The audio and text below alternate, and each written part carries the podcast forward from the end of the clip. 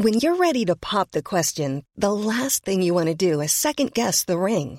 At Bluenile.com, you can design a one of a kind ring with the ease and convenience of shopping online. Choose your diamond and setting. When you find the one, you'll get it delivered right to your door. Go to Bluenile.com and use promo code LISTEN to get $50 off your purchase of $500 or more. That's code LISTEN at Bluenile.com for $50 off your purchase.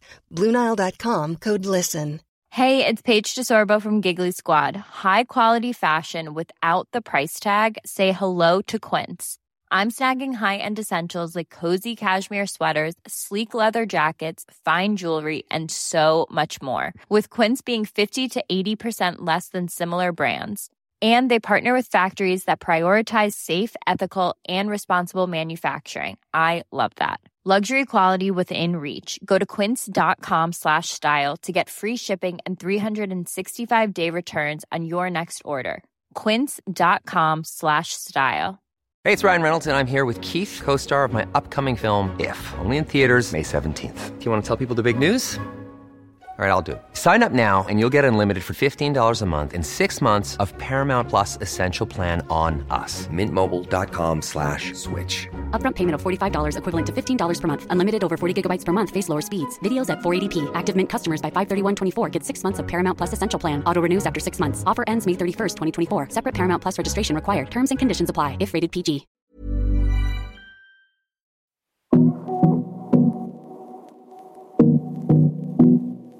Hej och varmt välkommen till Karriärpodden och till avsnitt 226 där jag nu gästas av Maha Boseid som är affärsutvecklingschef på Polarium. Och de utvecklar energilagringslösningar baserat på litiumjonbatterier och som ligger helt rätt i tiden för att skapa hållbara energisystem. Maha har lång internationell erfarenhet från att ha arbetat som ledare inom inköp och försäljning för Ericsson i Sverige, England, Malaysia och Förenade Arabemiraten.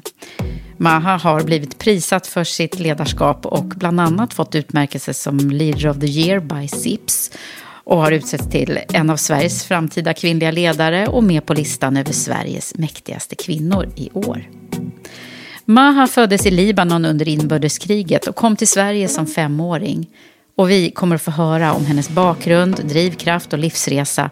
Men det här är framförallt ett avsnitt om ledarskap och hur det kan förändra världen. Innan vi drar igång vårt samtal vill jag passa på att tacka Karriärpodden och Women for Leaders samarbetspartner, Volkswagen Group Sverige. Tack för att ni gör det möjligt för oss att sända Karriärpodden och att jag får fortsätta lyfta fram förebilder. Här kommer nu avsnitt 226 med min gäst Maha Boseid. Och jag heter Eva Ekedal.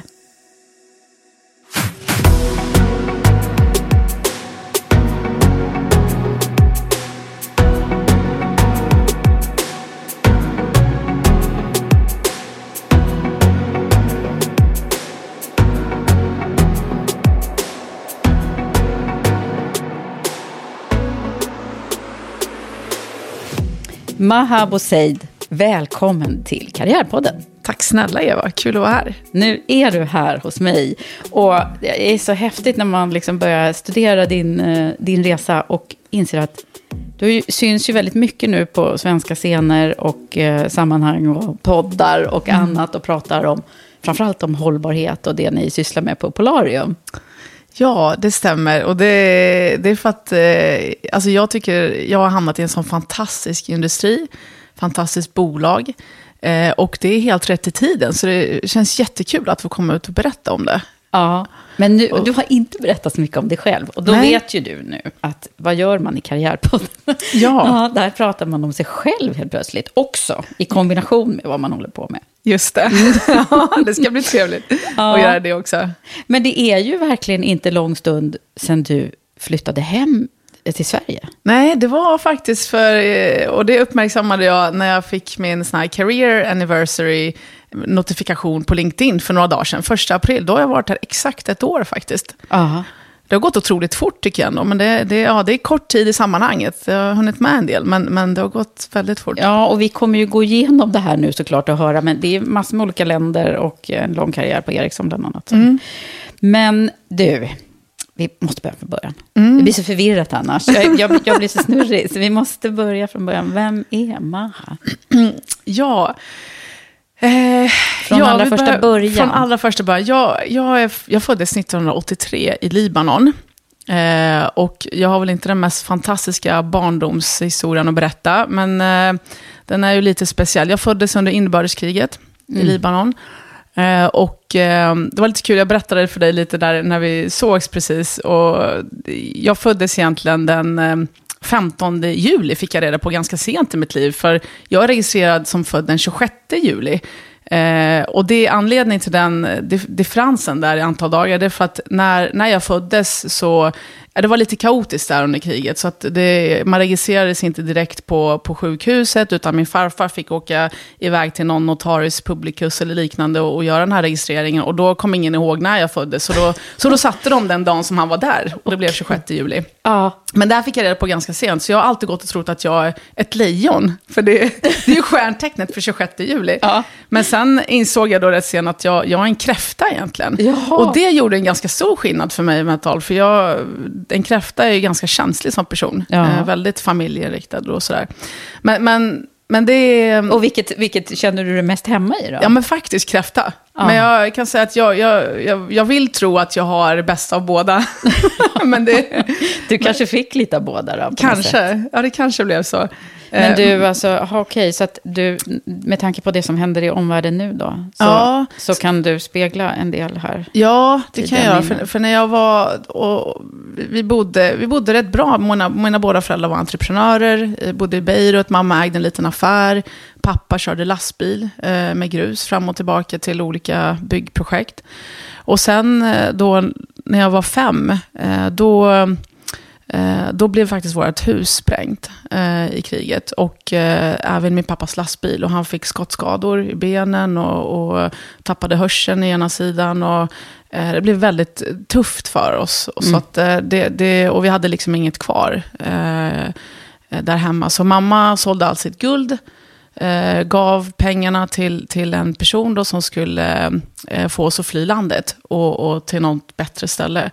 Så vi packade våra väskor och det här kommer jag väl ihåg och, och åkte iväg och, och sa hej då till familjen. Och det var, det var rätt tuffa dagar. Eh, och den här resan höll på ganska länge. Det var, jag kommer ihåg att det var, om inte flera veckor så i alla fall flera dagar. Och, eh, både med flyg och båt och, och buss. Eh, och vi var på väg till Kanada. Det var, det var planen. Okej. Fick jag reda på efteråt. Men Hur sen gammal någon- var du då? Då, Då var jag fem år. fem år. Men sen någonstans i, i södra Europa så, så var det någon som ställde frågan eh, till mina föräldrar, varför åker ni inte till Sverige? Och min mamma bara, vad, vad är Sverige? Liksom, det, är, ett land uppe i norr med väldigt trevliga människor. De, de, de kommer nog ta hand om er.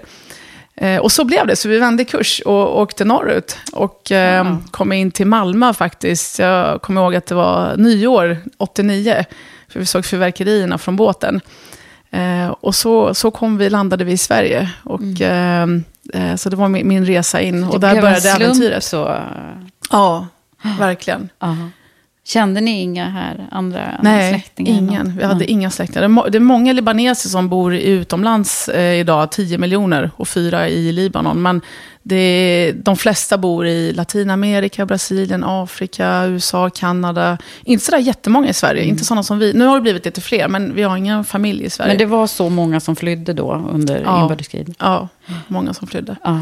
Så att, vad tänker du om världsläget och det som händer? Nej, jag tycker det är tragiskt. Eh, och jag har haft kollegor och vänner som har sagt jag, jag vill inte vara med om ett andra krig i mitt liv. Det räcker så. Och, det är hemskt att se andra behöva igenom det. Jag skulle aldrig önska min värsta fiende att se det vi Nej. såg eh, under de eh, åren. Sitter det där Ehm. kvar hos dig så att det kommer upp nu? Ja, men det, det gör det. Och jag undviker faktiskt att läsa sådana sad stories där inte jag känner att jag kan påverka direkt. För annars får jag verkligen en sån känsla av att jag vill göra någonting åt det här. Mm. Eh, men eh, ja, jag försöker göra det på mitt sätt. Ja. Mm. ja, men det är ju... Jag kan tänka mig att alltså, ni har varit med om, men eh, också de, som, de äldre som har varit med om när det var andra världskriget och som fortfarande kan liksom verkligen minnas de här hemska scenerna som uppspelar sig igen. Ja, ja. Ja, Ja, det- det, är, det är fruktansvärt. Men du, eh, Vi måste ju Mm. höra, vad hände då när du kom till Malmö? Ja, vad hände? Först, först bodde vi då i den här båten ett tag, för de skulle hitta en flyktingförläggning för oss att bo på. Eh, och eh, och det, ef- efter några dagar så, så fick vi åka då till eh, ett ställe som heter Sommarvik. Och det här var då egentligen ett turistställe då i Sverige, någonstans i Värmland. Eh, som, men, det, men det här var ju mitt i vintern, så det var ju inga turister då, utan det var, det var mm, mycket Kallt. snö och det var väldigt kallt, det kommer jag ihåg. Och vi fick, eh, vi fick bo i en eh, husvagn, för det fanns många husvagnar där. Så jag och min mamma och pappa och äldre bror, då, vi var fyra stycken, vi bodde i den där husvagnen då i sex månader. Eh, och jag kommer ihåg att vi fick gå in i restaurangen och äta tillsammans, vi blev vaccinerade. Vi förstod inte svenska på den tiden, så det var väldigt svårt att förstå. Men, men, ja, men följde egentligen med strömmen och, och gjorde som vi blev tillsagda. Och folk var ju jättesnälla. Jag kommer ihåg att eh, Eh, en av de bästa, absolut bästa människorna vi träffade i vårt liv hette Astrid.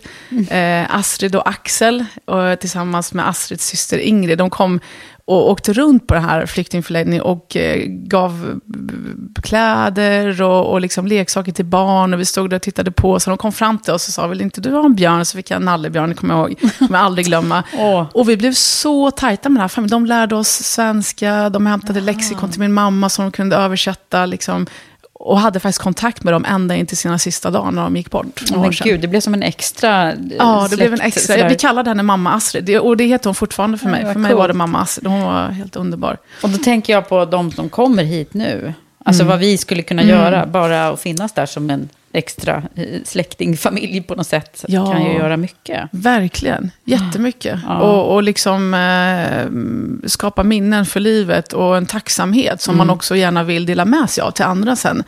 För om det var det, något som gjorde skillnad, det var ju inte var vi bodde, hur vi bodde och vad vi åt. Alltså det, var, det var ju människorna vi träffade liksom, och vilken Mm. impact de gjorde på oss. Då. För det, jag kommer, det är något jag har fått med mig hela, i hela mitt liv, då, eh, ända sedan den händelsen. Att det handlar, det här, allt handlar om att ge. Ju mer du ger, du ger desto mer får du tillbaka. Så enkelt Jag är det. Bumerangeffekten. Liksom. Ja, precis. Ja. Så det, och, sen, och sen efter de sex månaderna så flyttade vi runt då. Det var många andra flyktingförläggningar. Och vi åkte till Vara och vi bodde lite olika. Och sen efter mycket, mycket flyttandes då runt om i Sverige så hamnade vi i Örebro. Och där växte jag upp. Men Örebro, men Ja. det hörs ju inte på din Nej, det är jag glad för. Många som säger det. Men där gick jag grundskola och eh, gymnasiet. Ja. Eh, Hur var den perioden för dig? Ja, nej, men den, den var väl säger, någorlunda normal, höll jag på att säga. jag har ju alltid varit extremt fokuserad på studier. Och, och det kommer jag inte heller glömma. Den dagen jag bestämde mig, för jag har alltid varit extremt målmedveten. Och det var jag redan i Libanon, för det var viktigt för mig att komma hem med en stjärna på pannan. För man fick så här klistermärkestjärna om jag varit duktig under dagen.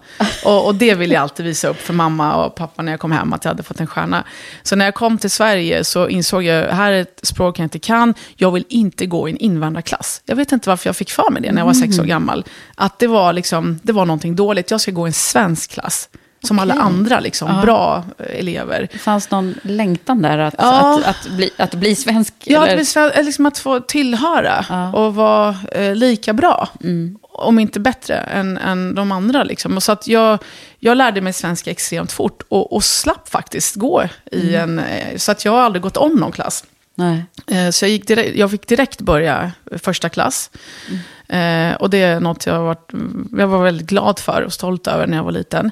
Eh, och på den vägen var det sen under hela skoltiden. Jag, liksom, det var viktigt för mig att ha högre betyg. Jag vill, och det är också mycket präglas lite av ja, men, det sätt som mamma har uppfostrat oss.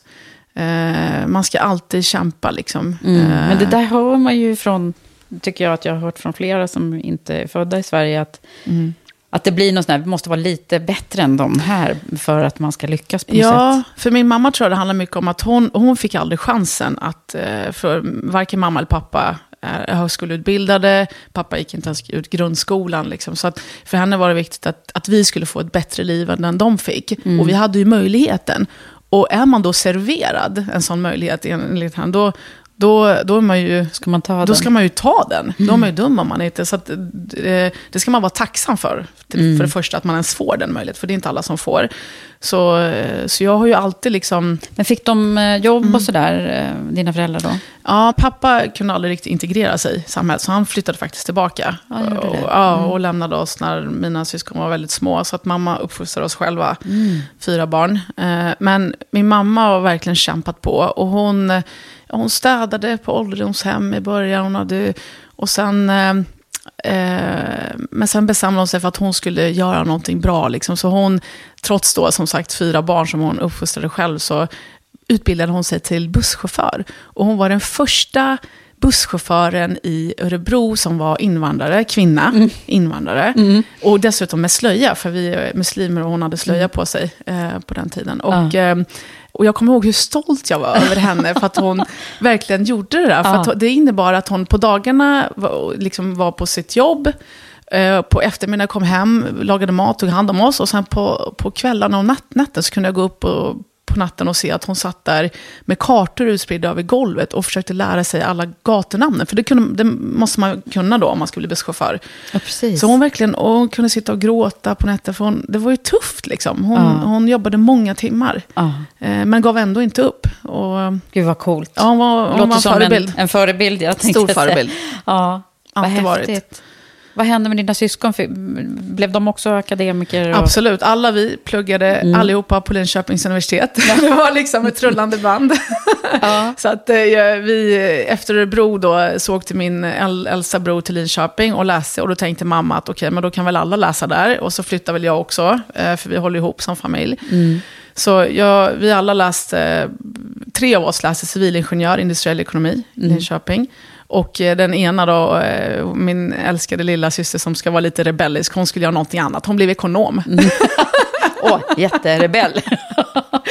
Också på Linköpings universitet. Så att det var, eh, jo då, alla Ja. blev... Och där gjorde ju du redan där succé kan man säga då. Eller? Ja, men det gick Åtminstone bra. har jag lyckats luska fram här att, att du blev så här årets, eh, utsedd till eh, årets Alumni. kvinnliga alumni och massa Ja, grejer. precis. Ja, det var faktiskt årets alumn utan att behöva vara kvinna. Nej, men, okej, men, nej. men, den, men den, eh, för en gångs skull. Ja, det var ju bra. Felsägning av mig där. Men det, nej, men det gick bra. Jag, jag, jag, läste industriell ekonomi internationell, för jag har alltid älskat liksom den här eh, internationella tweaken. Så jag, fick läsa, jag läste franska som inriktning och gjorde ett utlandsår i Frankrike, i Grenoble, eh, södra Frankrike, och lärde mig åka skidor faktiskt det året. Eh, men jag har alltid varit nyfiken, så jag har ju liksom tyckt om att läsa, även om Ibland hade jag önskat, jag kommer ihåg när de satt och pluggade och ville gå ut och göra någonting annat och, och hjälpa min mamma. Liksom. Jag såg ju hur mycket hon kämpade och bara, nej, du ska tillbaka och, och plugga. Jag vill inte ha någon hjälp, jag fixar det här själv. Liksom. Så, hon, så det var alltid liksom, jag spenderade många timmar eh, framför böckerna, det gjorde jag. Det blev inte så mycket annat. Eh, men jag ville ju liksom ge tillbaka. Så att, det var inget eh, vilt studentliv alltså. Nej, verkligen inte. Jag var nog in, inte den som sågs på något studentparty. Nej. Och det kanske jag borde ha gjort då, men så blev det inte för mig. Nej. Och sen blev det, vad då för någonting direkt efter studierna? Så direkt efter så tänkte jag, okej, hur ska jag kickstarta snabbt så jag kommer igång här med, med jobb? Och, eh, och jag ville ju så mycket, jag var ju verkligen törstig efter att få jobba. Liksom, och, och ge både till mamma liksom, och, och få, få erfarenheter. Men, så jag sökte faktiskt bara traineeprogram. Eh, och eh, sökte bland annat Scanias traineeprogram, kom inte in på det. Eh, sö- sökte också traineeprogram till Luftfartsverket. Eh, och det som är typ Swedavia idag, Arlanda flygplats. Och den kom jag in på. Och då tänkte jag också så här, naiv student som aldrig liksom har eh, tänkt långsiktigt liksom på vad man ska... Men jag tänkte så här, om jag, om jag jobbar på en flygplats, då kanske jag får gå ut och resa.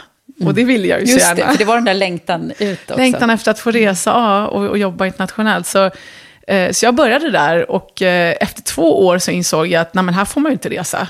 Det blev bara jobbigt för att det blev nästan frustrerande för jag såg alla andra resa. Ja, men, men jag fick sitta på kontoret så då, då var det dags för mig att, att göra något annat. Och då eh, fick jag faktiskt ett brev hem från Nova eh, om att de sökte personer till Ericsson, till Accelerate-programmet.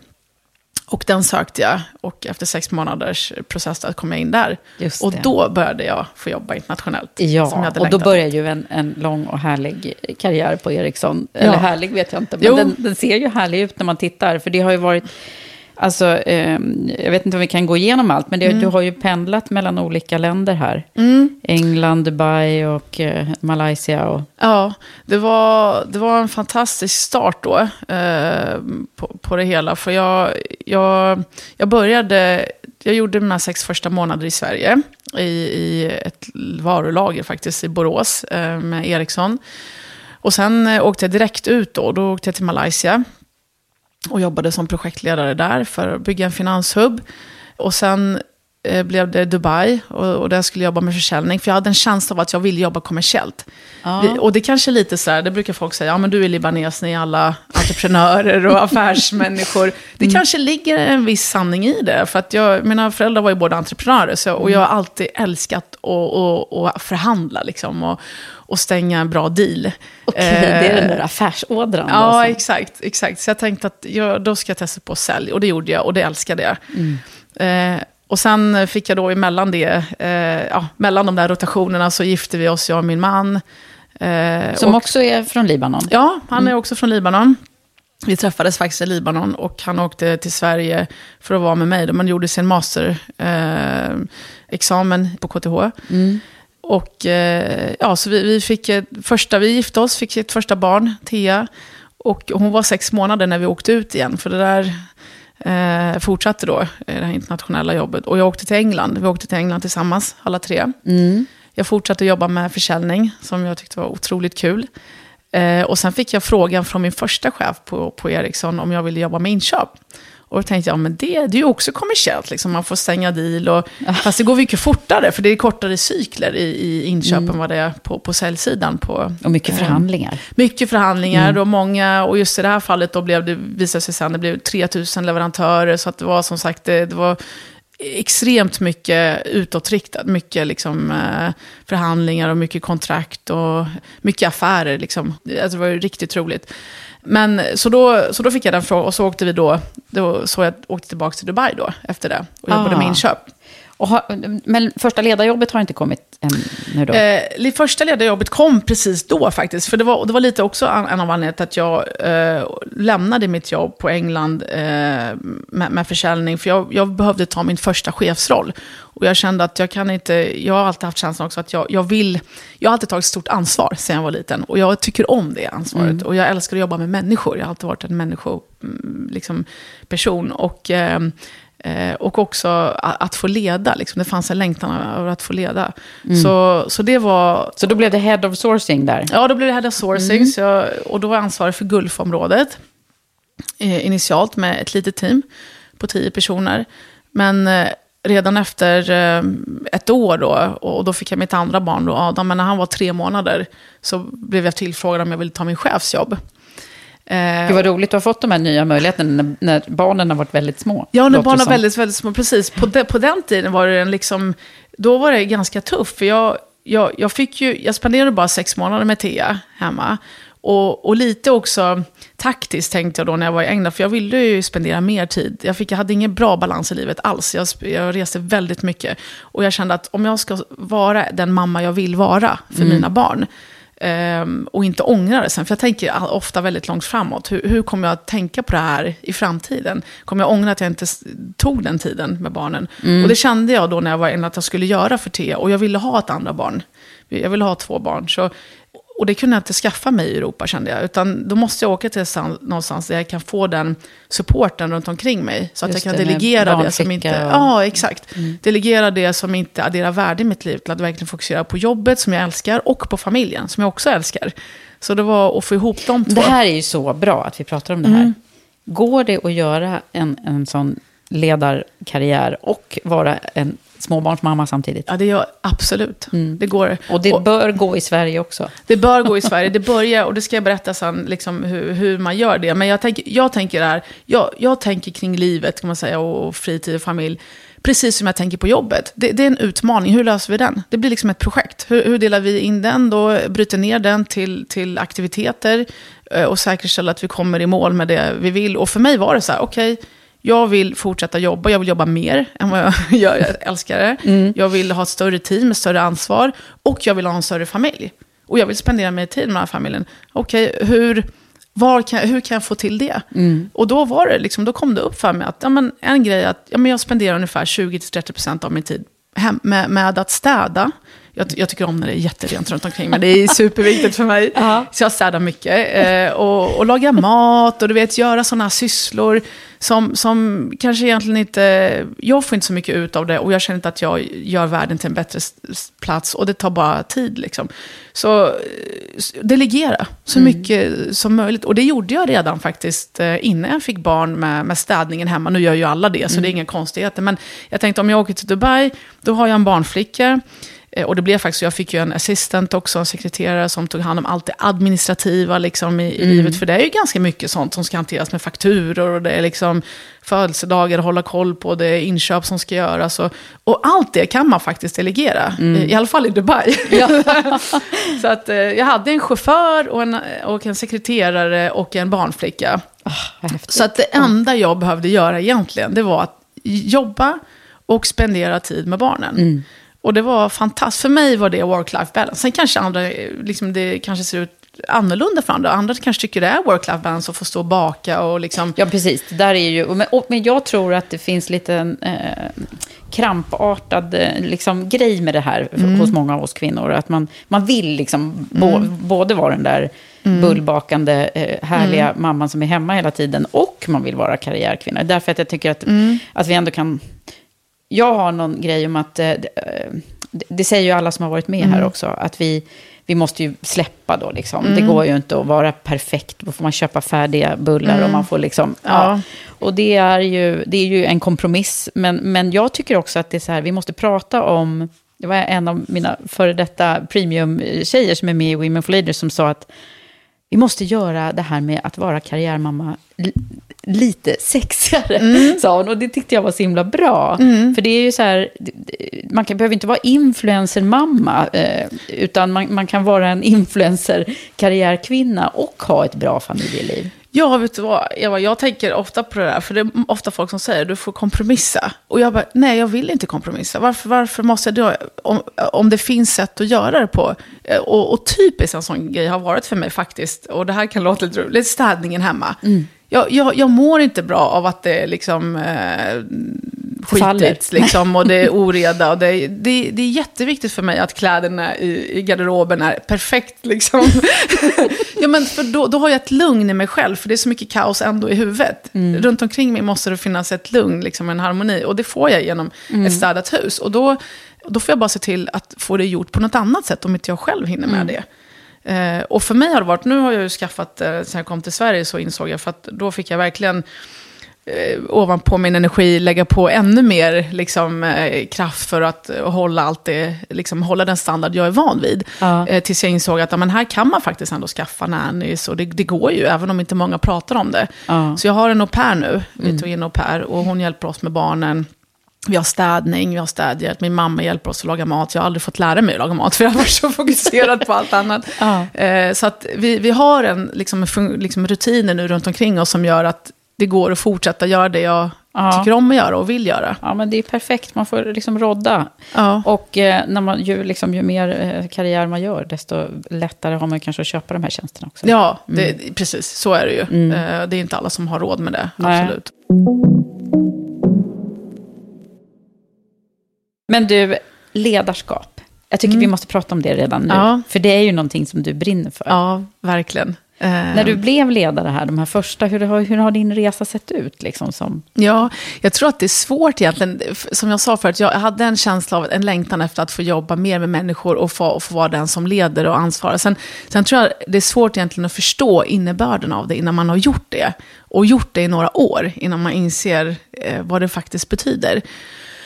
Och det, och det kom ju upp för mig där när jag tog min, eh, när jag blev promotad då. Eh, som sagt, Adam var tre månader eh, och jag tittade runt omkring mig och tänkte, ska jag verkligen släppa honom nu så liten och, och, och gå och göra min, liksom, den karriär jag har drömt om här nu? Och, och jag vände mig till min mamma då, för liksom, och, och hon som hon alltid gör, jag brukar alltid säga, ingen i, det här, i den här världen ställer högre krav på mig själv än vad jag, vad gör jag själv. Men min mamma gör faktiskt det.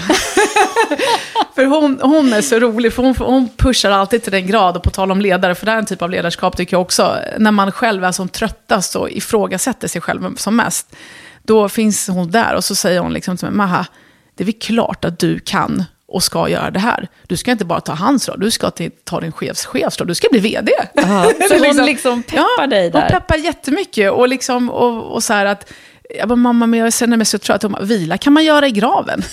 Det, det, du är så ung och, ja, men du är så ung och energisk nu. Här ska det inte pratas om någon vila. Liksom. Det, Gud skickar utmaningar till dig för att han vet att du klarar av att hantera dem. Mm. Eh, så hon har alltid varit den som har gett liksom helt andra perspektiv och verkligen pushat och peppat eh, på ett positivt sätt. Ja. Och extremt kärleksfullt sätt. Även om det ja, just det, för det kan ju bli kravfyllt det där ja. också, men det, men det har det inte blivit. Det har varit en fantastisk balans på, på verkligen kärlek och, och för, för, då, för henne var det så här, jag packar min väska, jag, kommer, jag tar hand om Adam. Och han kommer få all den kärlek han behöver. Mm. Eh, och du ska fokusera på din karriär. Så, att hon, så hon kom farande? Hon kom, ja, som hon alltid har gjort. Mm. Satte sig och kom, och det gjorde hon i England också med Thea. Så att hon, hon kom och eh, jag tog jobbet. Eh, och det var det bästa beslutet jag fattat, eh, mm. en av de bästa i mitt liv. För att eh, dagen innan jag skulle börja så bestämde sig, då gjorde vi en omorganisation på Ericsson och då slog man ihop två regioner. Så att istället för att jag skulle vara ansvarig för inköp för Mellanöstern, så blev det Mellanöstern och Afrika. Och det blev helt plötsligt då ett team på 120 personer. Jag hade bara lett ett team på 10 innan. Mm. Eh, och liksom där jag blev ledchef över chefer. Så jag hade också chefer eh, som direktrapporterande. 3000 leverantörer och 60 länder som jag ansvarar för. Och en budget på en miljard kronor. I, eh, eller en miljard dollar faktiskt i, eh, i eh, inköp. Mm. Så det blev snabbt en extremt stor roll eh, och en stor utmaning. Och det tog några år innan jag gjorde den här transformationen jag ville göra. Liksom, och, och jag gjorde jättemycket i den rollen som jag extremt, ja, men, eh, tittar tillbaka på nu, var ett fantastiskt lärorikt äventyr. Mm. Och, eh, och jag insåg ju efter de där två åren, då, när jag hade liksom stoppat om i ledningsgruppen, skapade det här teamet, jag älskar att bygga team. Mm. Riktigt liksom, motiverade människor som bara ser, liksom, ser att the sky is the limit, som vi brukade säga. Det mm. finns inga utmaningar, allt är en möjlighet. Eh, vi tänker alltid stort och ambitiöst. Och, eh, och liksom att få en annan människa att inse det, som min mamma gjorde med mig. Mm. Att jag ser en potential hos dig som inte du själv ser. Och jag tror på den så mycket. Och jag, vi kommer se till att det där kommer ut. Ja, och, det, och, och den, den är så powerful. Så det är egentligen din mamma som har lärt dig det här ledarskapstekniken? Ja, men lite du... fa faktiskt. Mm. Ja. Mm, coolt. Eh, det har jag insett nu i efterhand. Ja. För jag, oftast, det är faktiskt en av mina styrkor, jag, jag, jag kan ofta se en potential hos en individ ganska snabbt när jag har träffat den personen. Och, eh, och, och, just att få jobba på att få ut den, liksom, och få mm. den att blomstra. Och att den personen gör saker som han eller hon aldrig har drömt om att göra. Eh, och se vad det leder då, till. Då? Eller hur gör du? Nej, men det handlar jättemycket om encouragement. Vad heter mm. det på svenska då? Eh, uppmuntran. Uppmuntran, jätte, jättemycket. Mm. Och det, det är som att vara, jag brukar säga, alltså att vara en ledare är som att vara en förälder. Du går inte och säger till ett barn som kryper och lär sig gå, att äh, bättre lycka nästa gång, eller liksom, äh, det där gick väl inte så bra. Uh, ska vi prata om tekniken nu, eller hur du ska göra nästa gång så att det blir bättre? Det, det handlar hela, det är uppmuntran, vad bra att du försökte. Det. Nu, nu kunde du ställa dig upp en liten stund, nu testar vi igen. Och liksom bara positiv energi. Mm. Och boosta och trycka på det som är styrkan hos individen, snarare än svagheten. Mm. För ju mer du liksom pratar om styrkan, desto mer kommer svagheten att bara liksom... Mm rinna ut. Alltså det, det, kommer inte, det kommer inte, du kommer inte ens behöva tänka på att den, den måste förbättras. Eh, utan mycket om och, mycket Styrkebaserat ledarskap, ja, verkligen. Det ja. pratar vi jättemycket om också i, i våra program. Hur man, ja, alltså det är ju ingen idé, och många gånger så vet man ju om att man har några svagheter. Men är, om man börjar tänka på dem så blir de för stora istället. Ja, de blir för stora. Man fokuserar. Det, finns Tony Robbins, jag vet inte om du läser hans mm. böcker, men han brukar alltid säga eh, where focus goes, energy flows. Mm. Och fokuserar du på din styrka, då är det den som kommer växa. Mm. Istället för att fokusera på svagheten. Ja. Så det handlar mycket om, om uppmuntran, att vara en ledare precis som, som om du vore en förälder.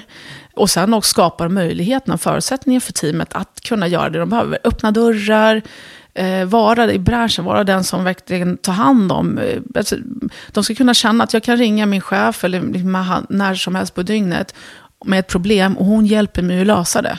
Eh, det, det, gör liksom, det finns en trygghet. Mm. Precis som det gör i en familj. I en familj, ja men det är en väldigt fin parallell. Ja. Du var, var, lite nyfiken, så här, vad lärde du om, om dig själv i den här perioden? Det låter ju som det var liksom en, en det var där det liksom mm. tog fart här. Mm. Från den här teamet på tio till, till mm. det här stora eh, jobbet. Vad, vad lärde du om dig själv? Jo, men jag, då, det var då jag verkligen förstod vad, vad mina passioner var. Jag fick ju den frågan och, jag, och det var därför jag inte fick det där jobbet på Scania, som jag nämnde i början av min karriär. För jag fick frågan, vad, vad vill du med ditt liv? Eller vad, vad tycker du om? Och vad, vad kommer du vara om fem år? Och vad kommer du vara om tio år? Och jag hade ingen aning på allvar. Liksom jag, jag hade aldrig tänkt så långt fram. Jag var liksom nyutexaminerad, ville ha mitt första jobb och behövde en lön. Liksom. Ja, det är ju inte helt ovanligt att man faktiskt inte vet. Då. Nej, och jag tror, och jag känner så här, nu, jag skulle aldrig ställa den frågan till nyutexat idag, även om jag kanske skulle gjort det fast på ett annat sätt då. Men mm. för att eh, jag tror att det är lite för tidigt. Eh, man måste få växa in i det och, och det är då det blir också äkta. Mm. Eh, så, så det jag insåg är att jag, jag har tre passioner. nummer ett är ledarskap. Och det är det jag vill jobba med hela mm. mitt liv. Och det är där jag kan göra en impact och där kan jag jobba för en bättre värld. Eh, och sen insåg jag också att jag, jag, älskar att jobba kommersiellt och det var bara bekräftat ännu mer. Oavsett om det är på sälj eller inköp. Eller, jag älskar att stänga bra deals. Mm. Eh, en win-win deal för mm. båda parterna. Mm. Och så älskar jag att jobba med transformation. Eh, liksom, och, och, och, det är egentligen kanske man inte behöver... Jag, jag, är en, jag är en sån person som jag är inte rädd för förändringar. Jag, jag, är snarare den som driver på förändringar. Händer det inte tillräckligt mycket så kommer vi upp med en ny idé och så gör vi, någon, eh, gör vi någonting ändå. Nu lever vi i en så pass föränderlig värld ändå, så att det, det kanske inte behövs ännu mer. Men... Nej, nej, men det där med liksom förändring, för, jag vet, förr så frågade jag ofta det i intervjusammanhang, så här, hur man förhåller sig till förändringar och sådär. Ja, ja. och det, det är så här, för då fanns det ju oftast ett, så här, ett start och ett mål mm, mm. på en, en förändrings, ett förändringsprojekt eller mm. någonting. Men nu är det ju så här, det är konstant, så det går inte att det går nej, inte att ställa går, den frågan längre. Nej, det går inte ens att göra det. Men jag, jag älskar att ha många bollar i luften, gärna olika grejer. Jag, jag, är verkligen i mitt rätta element när det händer extremt mycket. Och det kan vara på allt på jobbsidan, olika saker på jobbet, om vare sig det handlar om att driva ett projekt, samtidigt som jag liksom, ja, men, jobbar med en viss en, en, en, strategi, eller Eh, eller göra rekryteringar och bygga om ett team. Eller, eh, och sen samtidigt som jag ofta, för jag är extremt aktiv på fritiden också. Så jag har liksom projekt hemma och med familjen och alla ska ha liksom något att jobba mot. Och, liksom, och alla ska vara med. Alla ska vara med. Ja, vad härligt.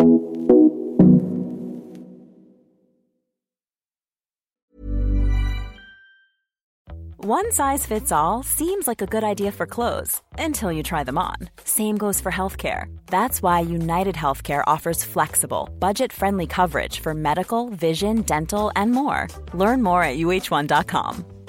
You should celebrate yourself every day, but some days you should celebrate with jewelry. Whether you want to commemorate an unforgettable moment or just bring some added sparkle to your collection, Blue Nile can offer you expert guidance and a wide assortment of jewelry of the highest quality at the best price. Go to BlueNile.com today and experience the ease and convenience of shopping Blue Nile, the original online jeweler since 1999. That's BlueNile.com. BlueNile.com. There's never been a faster or easier way to start your weight loss journey than with PlushCare PlushCare accepts most insurance plans and gives you online access to board-certified physicians who can prescribe FDA-approved weight loss medications like Wigovi and Zepbound for those who qualify.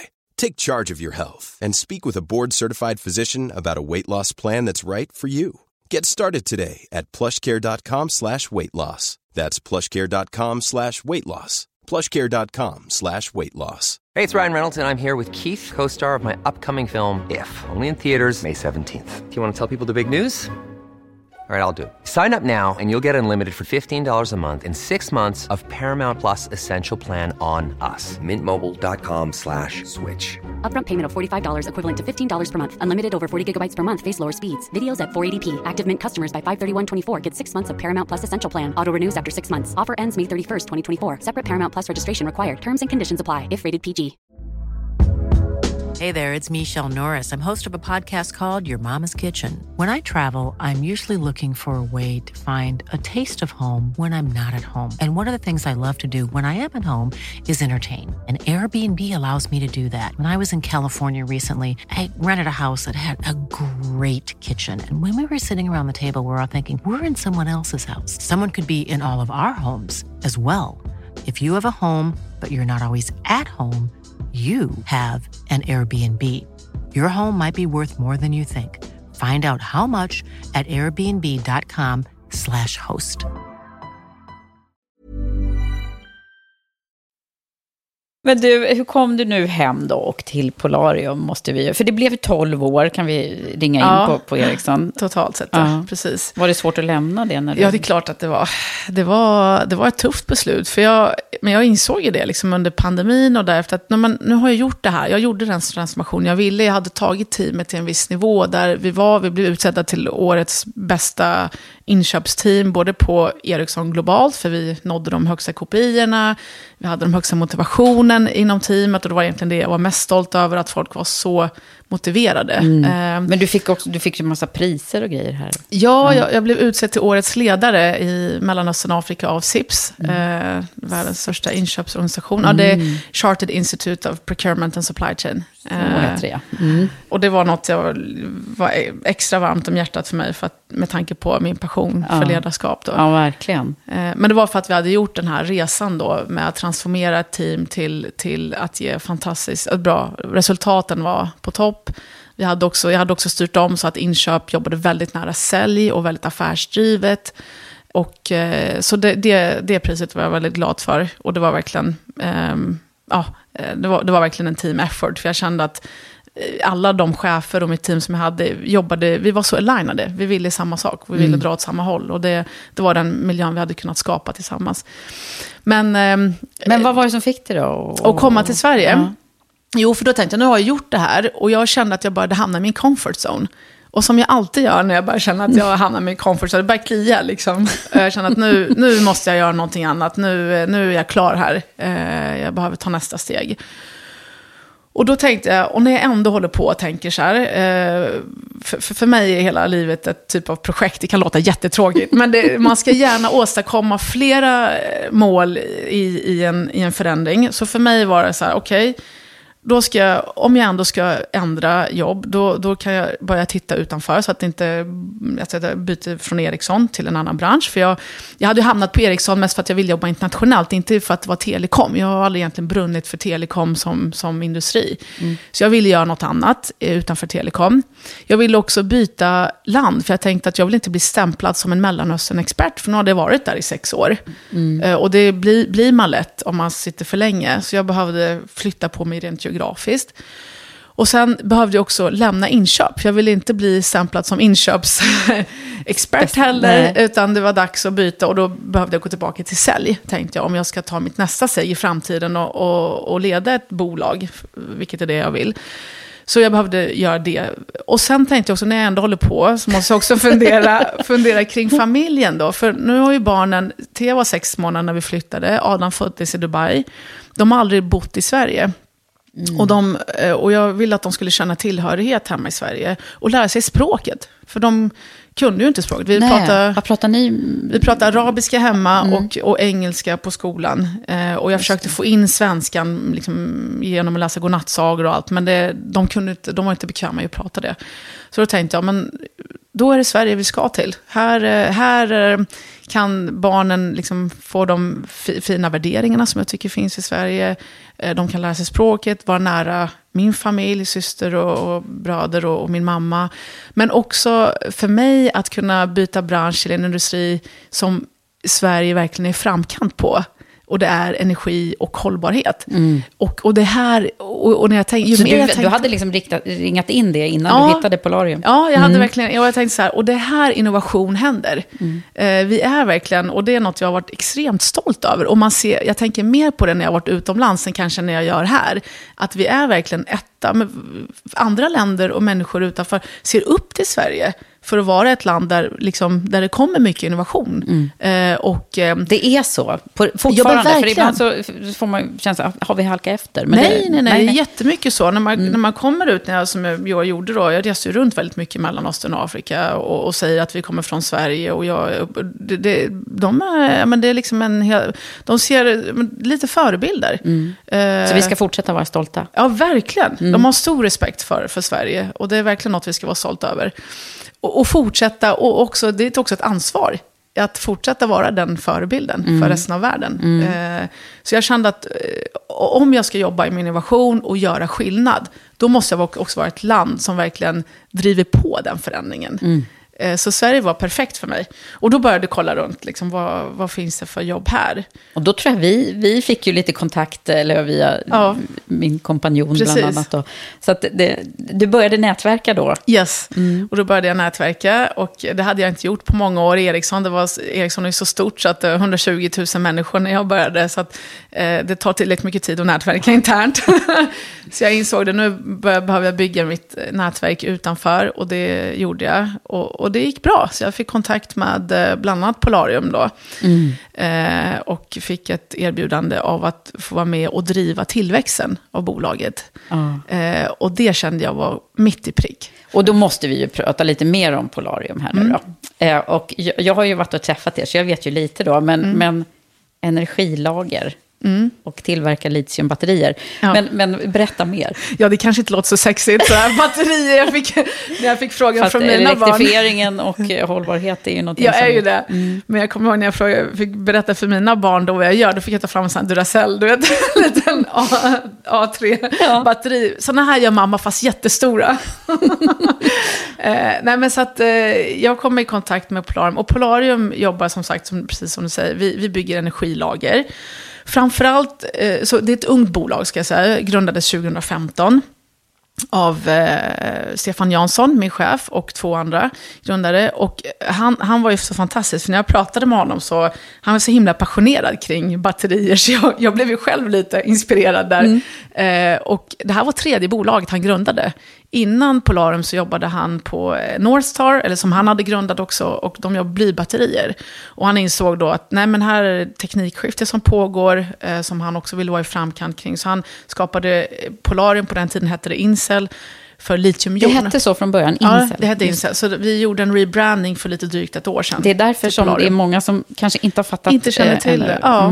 Men jag tror Nu också... gör vi massor med reklam här. Ja, men precis. Ja, tack för det. Nej, men, nej, men jag tror också en av anledningarna till att eh, Polarium inte är så känt är också för att vi har varit så himla upptagna med att leverera. Eh, det är ett företag som har varit eh, vinstgivande i många år, trots att den är så, så pass ungt som det är.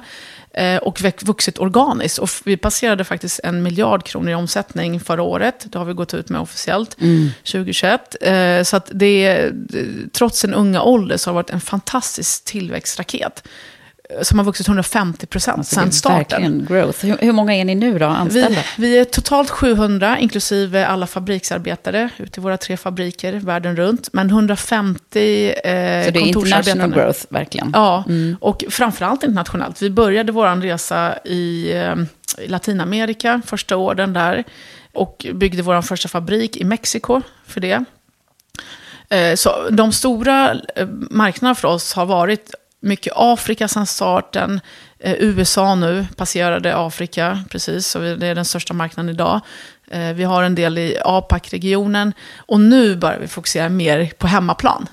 Europa och Sverige. Ja, det är därför vi hör lite mer om Ja, det det är nu. därför vi- Och du är ute och missionerar. Exakt. Men, men om, man bara liksom, om du får bara en jättekort Mm. pitch pitch här nu på att berätta varför är det här så bra för eh, att skapa en mer sustainable future? Av, ni, eh, eh, jätte, av en jätteenkel anledning. Eh, ju mer, för att klara av hela den här klimatomställningen så måste vi ju gå mot mer och mer grön energi. Och det, och det förstår ju alla liksom, vad, vad det innebär. Eh, vi har fortfarande så att 80% av all energi idag kommer från fossila bränslen, vilket inte är hållbart. Och det är därför vi också ser mer och mer incitament och också teknikförbättringar eh, inom grön energi, vindkraft, solkraft och så vidare. Och den energin är ju intermittent.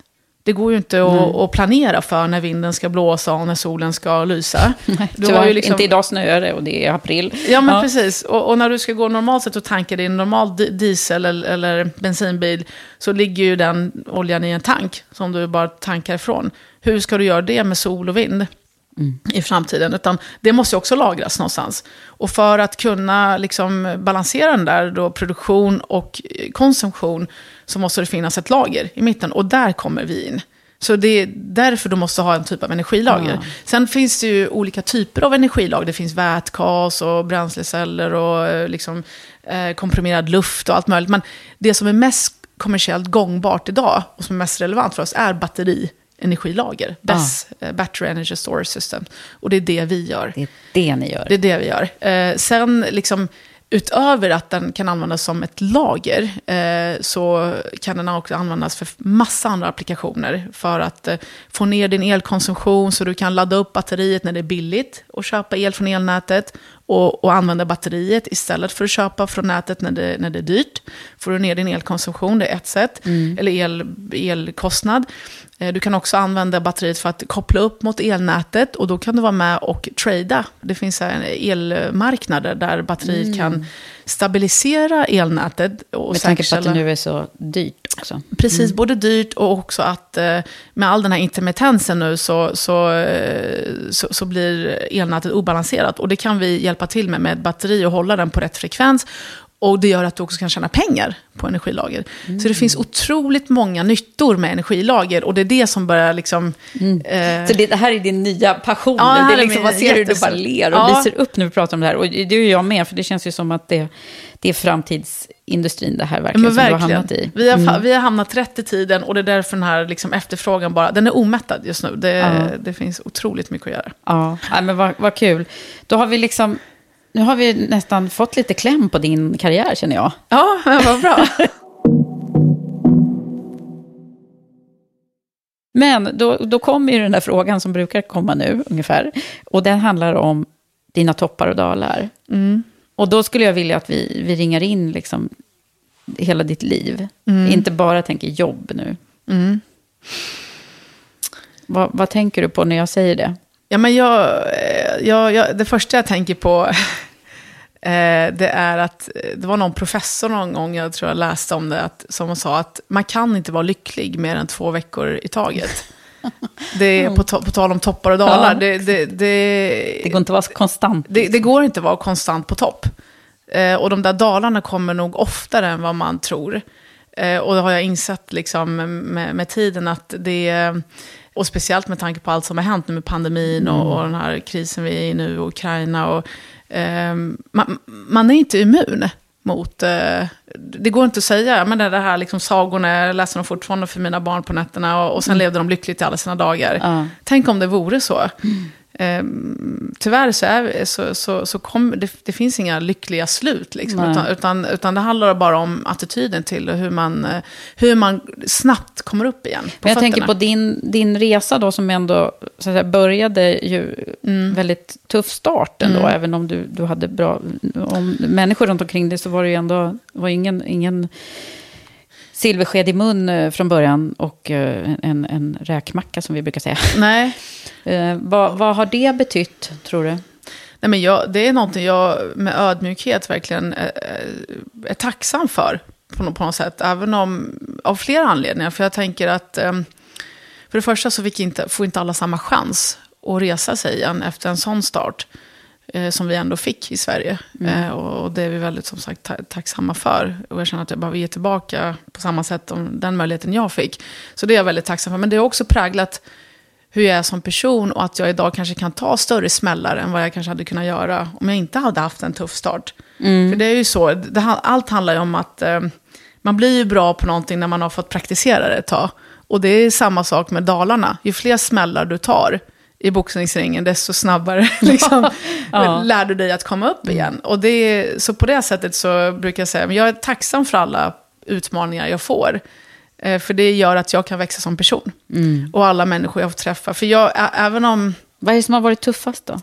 Ja, det, det, jag säger, det tuffaste kanske inte har varit just den där starten, för det, det var ju ingen dans på rosor efter det heller. Eh, kan jag, säga. Jag, jag växte ju upp ändå med, som sagt, en ensamstående mamma. Vi hade verkligen ingen eh, enkel uppväxt eh, på, på många sätt. Både ur, eh, eh vi, vi levde ganska fattigt. Eh, jag, jag, kommer väl ihåg ända upp i universitetstiden när jag åkte till universitetet och jag hade kompisar som kom där. Och och jag kommer aldrig glömma det. Liksom. En, en tjej som jag väl kommer ihåg, hon kom alltid så med uppsliceade mangon och papayan i sin, i sin snackbox. Ja. Och jag tog fram mitt äpple liksom, och tänkte alltid så här, undrar om jag någonsin kommer kunna äta mango. Liksom. Ja. Det var på den nivån. Eh, men, ja. eh, så det var väl en del. Men sen, eh, eh men sen att ha det här liksom, känslan av att...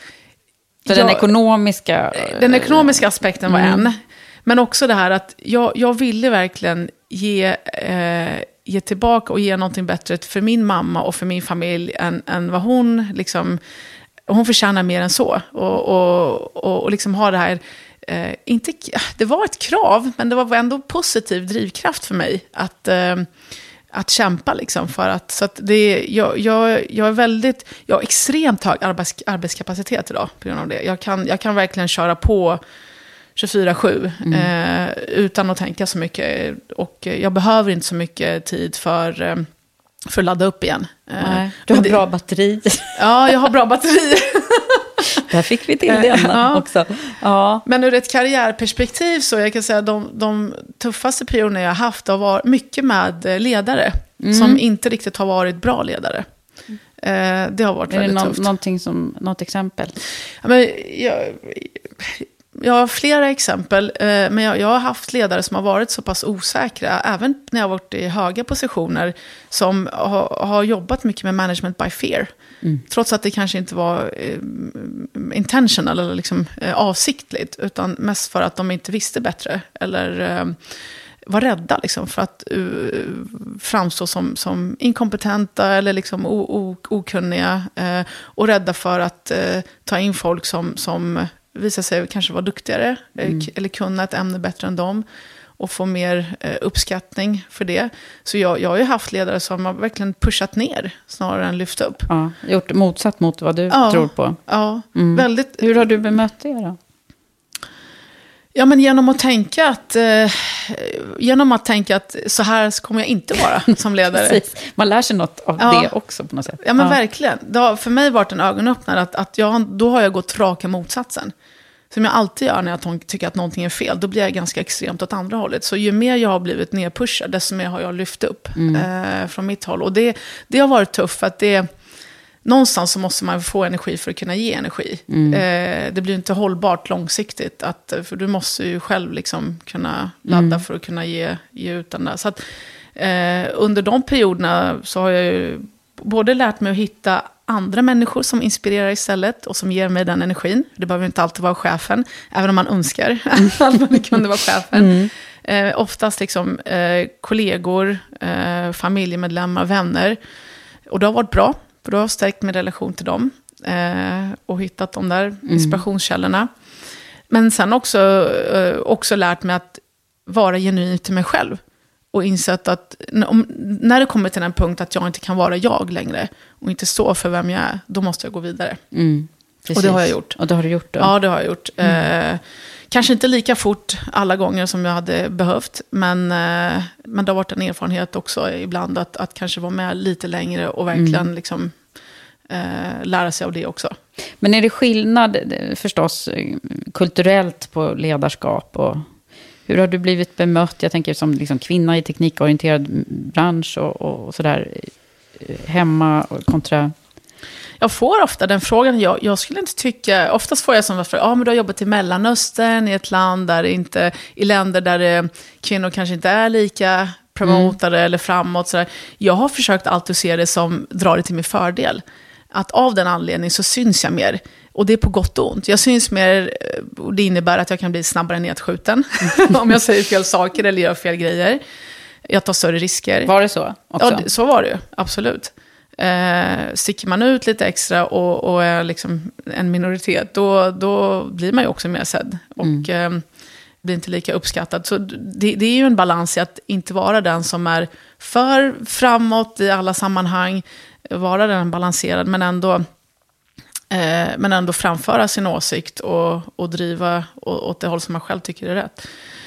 Och den, den, den balansen har jag verkligen jobbat på i många år och mm. praktisera. Mm. För jag är ju själv extremt energisk. Jag, jag är ju den som under skolan satt längst fram och ryckte, eh, hade handen uppe jämt och hade alla frågor och vågade ställa frågor ja. och vågade tycka till. Och, så du är ju liksom framåtlutad verkligen? Jag har alltid varit det. Mm. Men jag har insett med tiden att det, nej, det, det, det är inte alltid till, till en fördel att vara det och hitta de liksom, punkterna mm. där, där man ska, kan vara det och där man inte ska vara det i rätt sammanhang. Mm. Nu har ju du jobbat för ett svenskt företag mm. utomlands eh, så länge, eh, kanske någonstans svenska värderingar. Men hur var det att komma hem då? Var, märkte du så här eh, skillnaden? Jag tänker på ledarskapet på Polarium och... Ja, men jag, jag, jag tänker väl, en, en insikt för mig, eftersom jag hade, jag hade ju knappt egentligen jobbat mycket i Sverige alls eh, innan jag åkte ut. Och insikt för mig att det är, nej, det är inte så annorlunda. Eh, faktiskt i Sverige ur, ur det perspektivet. Det, det, är väl lika mycket politik här som det är mm. någon annanstans ja. eh, arbetsmässigt. Eh, men det jag älskar med Sverige, det är att ehm, det finns för det första så har du en annan möjlighet att växa på, på dina egna meriter, tycker jag. Eh, och det, det, även om när man är, liksom, mm, om man ska kalla mig svensk nu, men eh, som svensk så tycker man väl att nej, men, vi är inte alls duktiga på det, här måste man ha rätt kontakter för att komma in på rätt ställen. Och, jag, och, och, och, delvis kanske det är så, men inte alls lika mycket som det är i andra länder ska jag säga. Här, här tycker jag verkligen man får, man får möjligheter. Eh, mm. Och söker man ett jobb... Det är lättare att ta sig fram. Ja, verkligen. Mycket lättare, mm. eh, tycker jag. Och, eh, det var skönt bara... att höra för ja. alla som lyssnar nu. ja men verkligen, alltså min man mm. är så här, han heter Ahmad och han, han är fantastisk, fantastiskt duktig, jobbar med telekom och, eh, hela sitt liv och utbildad telekomingenjör. Han säger det också, när jag söker ett jobb i Sverige, då får ju han komma på arbetsintervju. Mm. Även om han har ett annorlunda namn och, och han får chansen och han får jobbet. Och det kanske inte hade varit lika självklart i andra delar av världen. Mm. Där man ska ha känt rätt person för att få den där dörren öppnad eller annat. Så att vi, vi, ja, men vi tycker att det är väldigt rättvist här. Ja. Och det, det älskar jag med Sverige. Men det här måste du, du, du nämnde ju för mig att det ser lite annorlunda ut när ni är i, tillbaka i Libanon och är på släktmiddag. Ja. Kan du inte berätta det? Jo, jo men det kommer jag så väl ihåg. Som sagt, jag, jag är verkligen... Eh, eh, Eh, ja, men jag älskar som sagt mitt jobb och, och alltid tyckt om att, att prata om, om vad jag gör på jobbet. Och, och eh, i alla sammanhang och, och liksom som sagt framåtlutad. Men, när jag, ja, men de gånger jag har varit i Libanon med, med, eh, min man och hans familj och de kommer från en, en by i, i norra Libanon och det kommer folk på besök. Då är det klart, då sätter man sig och så ställer den första frågan som kommer är förstås till min man. Och, och nästan alla frågor är till honom. Jaha, vad jobbar du med? Och vad gör du? Och vad gör er familj? Och vart har ni, bor, bor ni någonstans? Och det är liksom, och jag känner mig lite utanför, för där är det verkligen, för de frågorna... Du är, du är liksom frun där. Jag är frun, ja. Så att, eh, som följer med min man. så att det, det, och i vanliga fall är det tvärtom. I vanliga fall är det tvärtom. Eh, å andra sidan så kan det vara en trevlig tid för honom att få skina lite då. för ovanlighetens skull. Ja. Eh, att få vara den som, som får, får berätta och prata. Men, men, eh, ja, men det, det, det, är en helt annan värld. Det är det. Ja. Och jag tycker att, att få se de, de skillnaderna och att få vara med om de, eh, de, de sammanhangen är ju mm. rätt fascinerande egentligen. Det... Men lever ni liksom ett jämställt förhållande skulle du säga? Ja, verkligen, jag tycker jag. Ja, mm. Nästan så på gränsen till att det är åt andra hållet för oss. För att eh, Ahmad är verkligen den som eh, ställer upp i vått och torrt eh, ta hand om barnen. Det är ojämställt för honom. Alltså. På det sättet mm. kanske. Mm. Men, men jag gör ju sig annat, så vi, har väldigt uppdelat. Så mm. Jag tar hand om barnens eh, planering och, och skol, liksom, eh, introduktioner och så vidare. Jag tar, och sen så är han den som hanterar med, med bil och hem. Och, mm. eh, men men eh, Nej, men han, han är fantastisk. Han, eh, och, och det är jätteviktigt ur karriärsynpunkt. Alltså, det måste ju vara, man måste ha den supporten hemma mm. för att kunna lyckas externt också. Mm. Och någon som, som hejar på en lite. Ja, mm. och som, precis, som blir glad för din skull. Ja, och, och, peppar. Och han är ju väldigt annorlunda än mig. Vi är Han är verkligen allt det jag inte är. Han, han är väldigt lugn av sig, eftertänksam. Men trygg liksom. Och komma mm. hem. Och det är ganska skönt när man har haft en galen dag och komma hem till. Ja, men man behöver ju det ja. opposite ibland. Verkligen. Precis. Du, nu ska du få en, eh, en, den här specialfrågan. Mm. Som, som ju kopplat till ditt, ett, en av dina passioner, nämligen mm. ledarskap. Och det, det, eller två av dina passioner, för det handlar om hållbart ledarskap. Mm. Som min samarbetspartner, Volkswagen mm. Group Sverige, de skickar ju med den här frågan varje avsnitt. Och, eh, så du ska nu få svara på vad du ser som hållbart ledarskap. Och vad är det viktigaste som du som ledare behöver göra? Vi pratade lite om det förut, mm. men jag ska repetera lite, för jag tycker verkligen, eh, för mig är ledarskap, det är som att ställa frågan, vilket ansvar eller vilken roll har en förälder i att skapa nästa generations liksom, eh, samhälle och, och liksom, eh, värld. Och precis så ser jag med ledarskap. För ledarskap för mig är som, att, som ett föräldraskap. Mm. Eh, bara att, eh, som sagt, när jag, när, jag blev, när jag insåg att jag var en ledare, så insåg jag att jag blev ja, men mamma på mm. nytt. Fast lite större ännu. Därför att här handlar det inte om en individ som jag ska skapa förutsättningar för att lyckas i livet. Och det hänger lite på mig att få det att hända. Och konsekvensen av det kommer inte bara att eh, påverka den här människans liv, utan kommer påverka ett helt samhälle. Mm. Och den människans framtida familj och vänner och så vidare. Så tänka större? Tänka jättestort mm. och framåt. Mm. Eh, för jag tänker så här, den dagen jag går till jobbet och har en dålig dag och, och spyr upp det över en av mina medarbetare om jag skulle göra det. Vilken påverkan kommer det här, det här att ha på den här människan? Och när han eller hon går hem, till jobb, hem efteråt, efter jobbet och, och träffar sin partner och sin familj och, och, och, liksom, och mår dåligt på grund av den här dåliga feedbacken han fick av mig. Och sen får ut det över sin. Mm. Men det får ju sådana ringar på vattnet som är eh, egentligen oändliga. Och, just, och det är all forskning, det är inte jag som säger men forskning visar att, att den här typen av negativ kritik är så mycket mer powerful än positiv kritik. Mm. Och att du måste ge fem gånger mer positiv feedback än negativ. För att du ska slå ut bara det negativa till att börja med. Så för mig handlar det väldigt mycket om ledarskap. Att, att skapa den miljön där folk verkligen är glada av att få komma till jobbet, njuter av det, har liksom, är motiverade, känner att de eh, känner sig fulfilled, eh, känner att de kan påverka och bidra. För det tror jag i slutändan alla människor vill göra i sitt liv. Alla mm. vi vet ju att det finns en, en början och ett slut. Och alla vill vi, när vi ligger på en dödsbädd, tänka tillbaka i våra liv och känna, har jag gjort en bra, har jag lämnat ett bra avtryck? Mm. Har jag lyckats bidra på ett positivt sätt? Det vill vi ju alla kunna känna att vi har gjort. Så alla människor som går till jobbet vill, vill ju kunna göra det här. Sen har inte alla de förutsättningar för att göra det. Så, och ledarna, det är där vi kommer in som ledare. Så jag, jag har tänkt mycket på det här att hur, hur gör jag den bästa impacten jag kan och bästa förändringen i den här världen? Är det genom att jobba för Rädda Barnen eller WaterAid eller liksom Läkare Utan Gränser? Det hade jag också kunnat göra och mm. tänkte mycket på det tidigare. Eh, men sen insåg jag, nej, det är faktiskt genom mitt ledarskap. Och ju större ledarskap jag har, desto mer impact kan jag göra. Mm. Eh, och för mig är det en hållbarhetsfråga.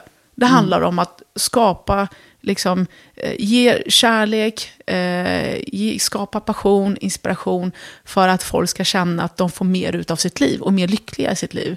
Och också kunna själva då ger det framåt. Och då blir det hållbarhet, tänker du? Ja, mm. exakt. Mm. Och, det blir, och då kommer vi alla leva i en bättre värld. Mm. Om, alla, om det fanns sådana liksom, fantastiska ledare överallt, som gav den, den boosten, mm. energiboosten till oss alla, liksom, eh, men, hur, hur, skulle samhället se ut då? Ja, wow. Där satt den. Ja, ja men jag, jag, jag, jag, tänker mycket på här Mahas eh, pitch mm. på hållbart ledarskap. men du, om man tittar på din, din karriär och eh, sådär att du, att du har hamnat och du har hamnat. Nu har ju redan, du kanske har svarat på det också. Men om du själv ska formulera så här, vad är det som har varit riktigt avgörande? Och finns det vägskäl, så här, som, eller så här, episoder, personer som kommer upp? Ja, men det handlar mycket, mycket om att... Och... Förutom mamma då, som ja. alltså, det känns ju som att det är en, en väldigt viktig nyckel här. Ja, hon var verkligen, liksom, hon var den som skapade plattformen för att jag mm. skulle vara den jag är idag.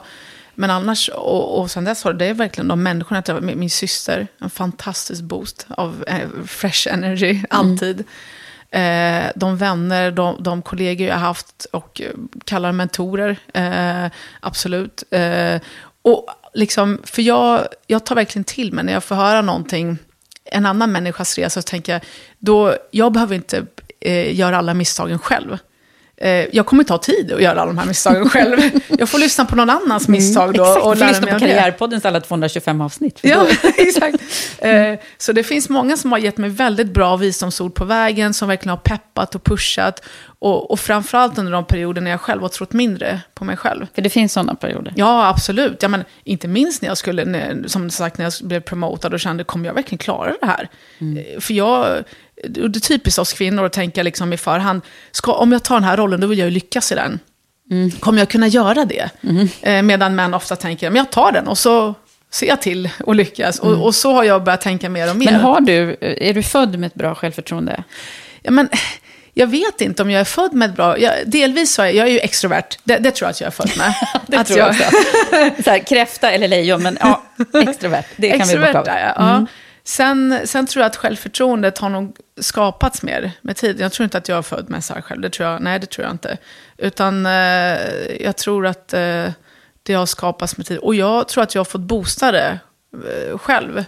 Eh, det är något jag har fått eh, tänka igenom. Och mycket på grund av de dalar jag haft. Där, där andra kanske har tyckt att ja, men, nu tar du för mycket plats i rummet och eh, nu är du liksom för... Mm, är det eh, sånt du ibland får höra? Mm. Ja, ib- ib- så har det absolut varit.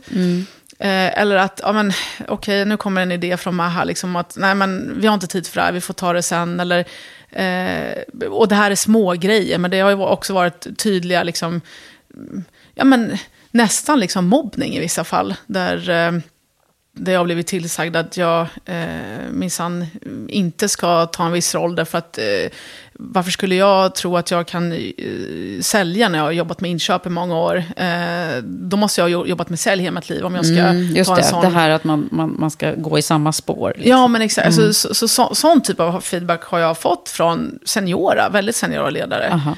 Och, och det, då, då får man ta ett steg tillbaka och tänka, okej, vänta nu. Eh, Tror jag verkligen själv på att jag kan det här eller inte? Och, och, och många gånger räcker inte det att, att övertyga sig själv, utan man måste få den boosten från andra, Ja. få hämta den från andra håll. Och då, vad gör du då? Har du gått ut och, och hämtat den? Ja, då har jag verkligen gått ut och hämtat. Mm. Om vare sig det är från vänner eller som sagt familjemedlemmar Mm. eller, eller kollegor. Eh, då har jag fått jättemycket boost. Men det där är ju faktiskt väldigt klokt det du säger nu. Så här. Man, man måste ju på något sätt se till att fylla på sitt eget så Mm. här, självförtroende läget själv. För det, det är inte, andra kan ju inte veta när, när det börjar sina. Så Ja, att säga. Eller nej. när man behöver fylla på. Om man ser sig själv som en behållare. Så, så behöver man ju göra det. Man måste be om det, alltså sätta sig och prata om det. Och, och det har hjälpt mig jättemycket. För, för det är också, för mig har det är när jag pratar om saker som jag bearbetar det också. Jag måste, ofta så kommer jag på grejer medan jag pratar, så att jag, det är samma sak när det... Jag kommer på massor med grejer också när du pratar nu. Så att, Men det är precis, när det är tufft, då, då mår jag bäst av att prata om det. Ja. Eh, one-to-one med någon. Och det, Ja. och det har hjälpt mig jättemycket. Eh, för, för jag tänker igen, på tal om att ingen är immun mot eh, utmaningar. Det är ju samma sak med självförtroende. Bara för att man har starkt självförtroende betyder inte att den alltid är på topp. nej. Det är klart att eh, den också sinar när det händer sådana här saker. Och man, man får jobba på att fylla upp det igen. Så jag, jag, jag kan framstå som väldigt säker och stark i mig själv. Men jag är absolut inte det hela tiden. nej. Nej, vi är bara människor. Ja, Mm. precis. Du, om vi eh, nu skulle börja summera lite grann då, så, så brukar jag ju eh, roa mig med att försöka försätta dig i så här 20-årsåldern igen. och, eh, och då så tänker jag så här, vad hade du behövt höra då, som du vet nu? Vad hade man behövt säga till dig då? Ja, men förmodligen, ja, men, och det här är ju något som man hör jämt, och ändå tycker jag det är så svårt att ta till sig det. För det första att eh, verkligen välja, välja rätt sammanhang och rätt chefer och rätt, eh, rätt kollegor. Jag skulle inte bara säga chefer, utan generellt. Att, att eh, en miljö där jag tror och vet att jag kan vara mig själv och få, och få um, växa i den jag är. Den är jätteviktig. Så att lika mycket tycker jag i en intervju, eh, när man söker ett nytt jobb, att man ska göra research i, är det här en miljö liksom, och en kultur som jag vill vara del av? Lika mycket att för den intervjupersonen att assessa om jag är rätt för det jobbet.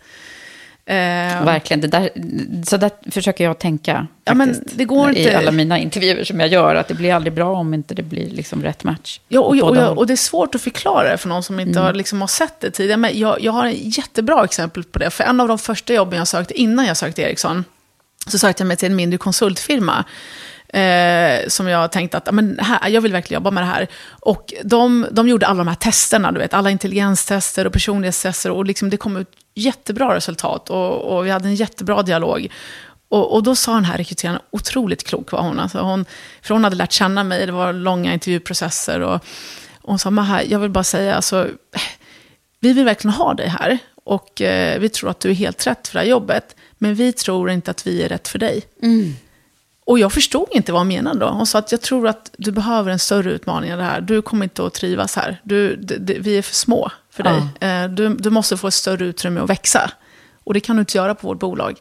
Så, och, det, och det var så Bra. klokt. Och det insåg jag efteråt. Och tänk om alla liksom HR och liksom intervjuer verkligen kunde tänka så långt. Eh, för, för, förutom att det var fint ur ett medmänskligt perspektiv, att jag då kunde rätt, snarare hitta rätt och få växa som person på Ericsson eh, och som ledare, så var det också självklart för dem ett sätt att jag, om jag hade kommit in och inte trivts, så hade jag ändå behövt lämna. Eh, Exakt, och inte det blir liksom inget bra det blir inget bra för dem heller, liksom, eh, affärsmässigt. Så att, den, den är jätteviktig. Det kan man inte trycka på tillräckligt mycket, tycker jag. Och sen det andra är att, eh, att alltid tänka på att alla människor inte har samma agenda som jag själv. Det hade jag eh, behövt höra tidigare. För det, liksom, med den boosten jag fick och, och det, liksom, den törsten jag hade, liksom, att verkligen få ut och gå och förverkliga mig själv och göra nytta och förändra världen. Jag bara utgick från att jag har rätt intentioner. Har inte alla andra också det?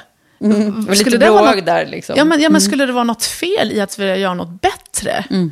Du vet, jag tänkte inte på att liksom, under de, de åren då när jag, när jag var chef och, och, och ville liksom verkligen jobba för att min funktion ska liksom supporta affären och liksom gå ut och, och göra skillnad och liksom hitta de bästa leverantörerna. Och liksom, att min chef skulle snarare se det som ett problem.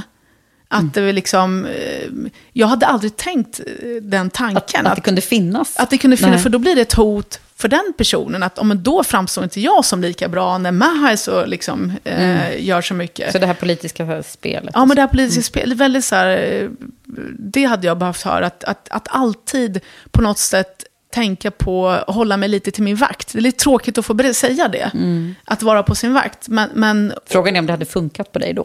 ja, frågan är om det hade funkat. Det kanske jag inte hade gjort ändå. Men nu vet du det i alla Nu fall. vet jag det. Mm. Ja. Och, och det är inte bara en eller två personer, man måste tänka på det ständigt. Alla som Mm. är runt omkring en. Hur tänker de och vad vill de och hur de kom, kommer de att se på det här? Och det betyder inte, nu säger inte jag att man ska göra så att man ska förändra det man är för att liksom passa in och, och liksom please alla andra runt omkring sig. Det är inte det jag säger, men, men det är viktigt att man har det i åtanke och att man kan navigera sig genom det. För i slutändan, för mig är det en sak som gäller och det är resultatet. Eh, och är det så att vi ska nå ett visst resultat, då måste jag ju ha de här människorna med mig, oavsett vad de tycker eller tänker egentligen om Oavsett mig. om de har samma agenda eller inte. Ja, precis. Så att, så att om, bortse från liksom det, här med, eller det här mänskliga i att alla vi vill jobba och, och i en miljö där folk tycker om oss. Och vi tycker om alla andra och det är kärleksfullt och vi liksom håller varandra i handen. Eh, även bortse från det, rent affärsmässigt, ska du uppnå ett resultat så måste du ha andra med dig. Och det kommer inte alltid vara de som vill egentligen vara det, utan de gör för att, på något sätt för att det är rätt. Liksom. Ja, Eh, ja viktig grej. Är det något mer avgörande som du hade behövt höra? Eh, nej, men det här liksom tron på sig själv och som sagt att våga ta klivet även om man inte är 100% säker på att man kommer klara det. För det kommer, vi lever i en så pass föränderlig värld att bara för att det är konstant nu och en roll ser ut som den gör betyder inte att den kommer vara likadan ett halvår från nu. Allt kan ju förändras och du kan vara med och shapea det. Och, och det är också något jag vill ge, att man ska inte tro att eh, bara för att saker och ting är på ett visst sätt, du, du behöver inte vara en follower.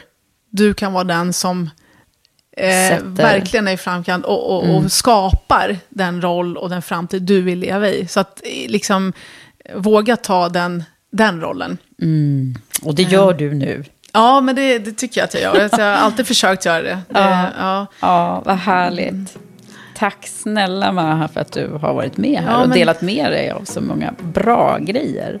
Tack själv. Alltså, det var mm. jättetrevligt att, att få prata med dig Eva. Tack Superkul att vara här. Tack.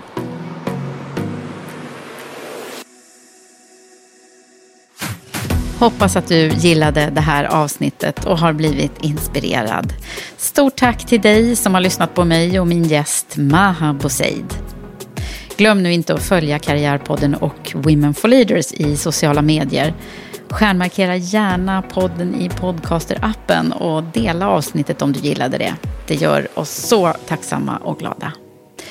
Jag kan också berätta att vi har öppnat för ansökningar inför höstens programstart i Women for Leaders Premium Leadership Program. Du kan läsa mer och ansöka på vår hemsida womenforleaders.com. Det var allt från mig och Karriärpodden den här gången. Vi hörs snart igen.